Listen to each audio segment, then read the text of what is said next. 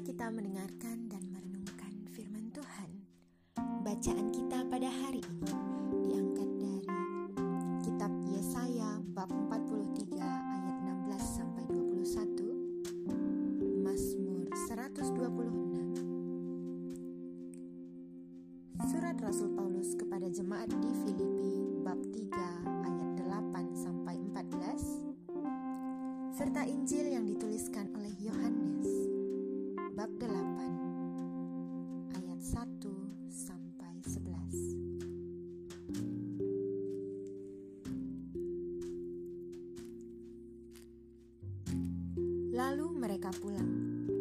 masing-masing ke rumahnya, tetapi Yesus pergi ke Bukit Zaitun. Pagi-pagi benar ia berada di bait Allah, dan seluruh rakyat datang kepadanya. Dia duduk dan mengajar mereka. Maka ahli-ahli Taurat dan orang-orang Farisi membawa kepadanya seorang perempuan yang kedapatan berbuat zina. Mereka menempatkan perempuan itu di tengah-tengah, lalu berkata kepada Yesus, "Rabi, perempuan ini tertangkap basah ketika ia sedang berbuat zina. Musa dalam hukum Taurat memerintahkan kita untuk melempari perempuan-perempuan yang demikian. Apakah pendapatmu tentang itu?" Mereka mengatakan hal itu untuk mencobai dia. Kemudian mereka sesuatu untuk menyalahkannya.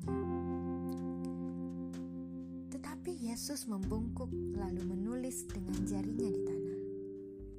Dan ketika mereka terus-menerus bertanya kepadanya, ia pun bangkit berdiri lalu berkata kepada mereka, Barang siapa di antara kamu tidak berdosa, hendaklah dia yang pertama melemparkan batu kepada perempuan itu.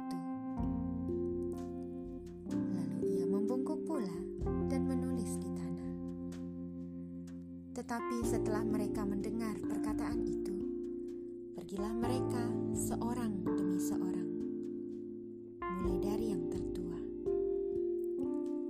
Akhirnya tinggallah Yesus seorang diri dengan perempuan itu yang tetap di tempatnya.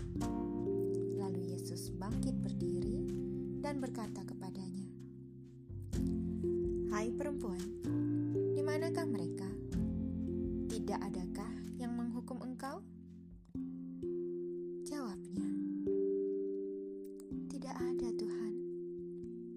Lalu kata Yesus, "Aku pun tidak menghukum engkau. Pergilah dan jangan berbuat dosa lagi mulai dari sekarang."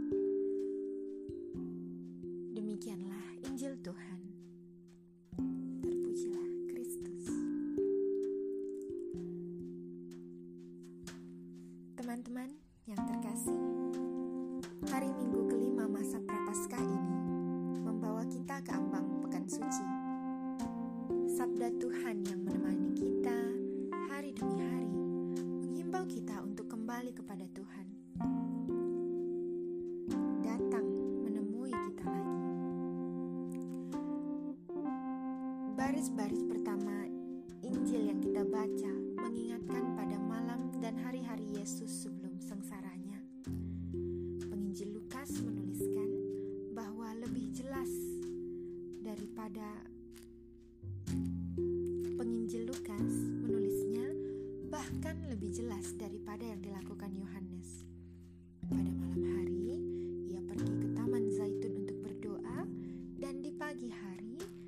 Pergi ke bait suci untuk menyampaikan Injil kepada orang banyak yang berbondong-bondong datang untuk mendengarkan dia. Ini adalah ajakan bagi kita untuk dekat dengan Yesus pada saat-saat ini. Episode pezina yang sama mungkin terjadi dalam konteks sengsara Yesus.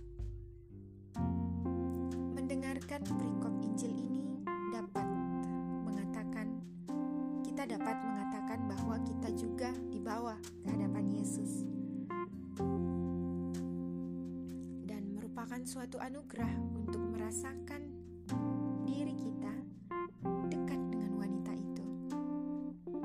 Dia membantu kita untuk memahami bahwa kita terlalu sering memiliki hati yang mengkhianati orang-orang yang mencintai kita.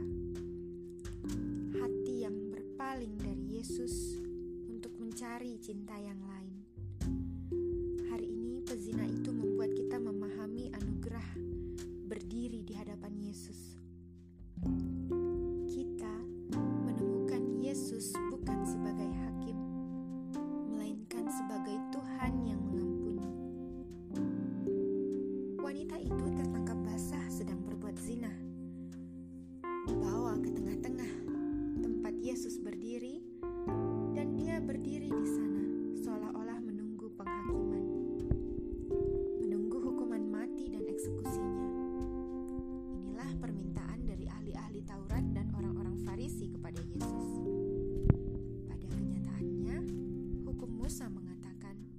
untuk melempari perempuan-perempuan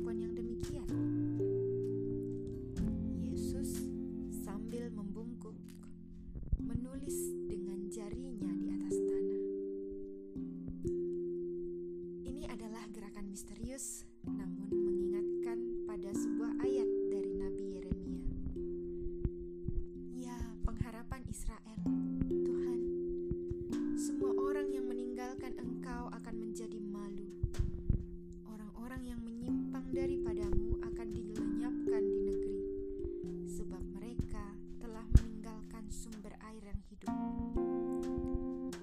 Seolah-olah hal ini mengingatkan kita bahwa seluruh hidup kita tertulis dalam debu, lemah dan terkena dosa. Satu-satunya obat untuk melawan keampuhan ini, satu-satunya obat untuk melawan kerapuhan ini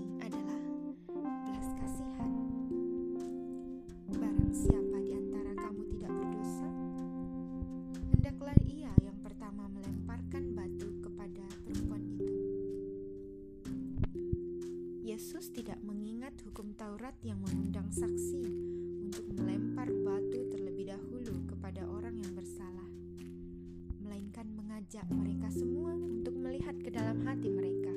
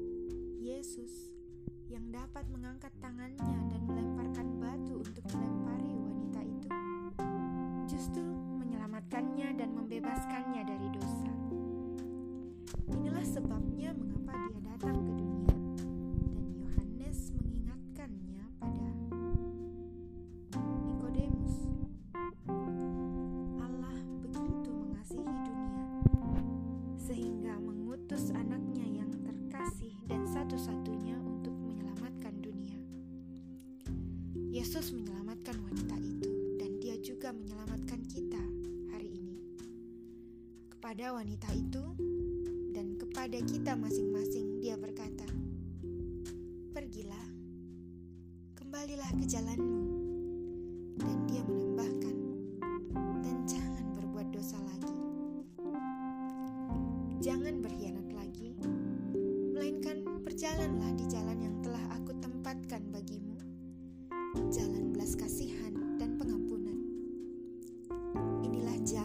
Yesus telusuri, jalan belas kasihan bagi yang lemah yang miskin. Inilah jalan yang ia tempuh juga di hari-hari mendatang.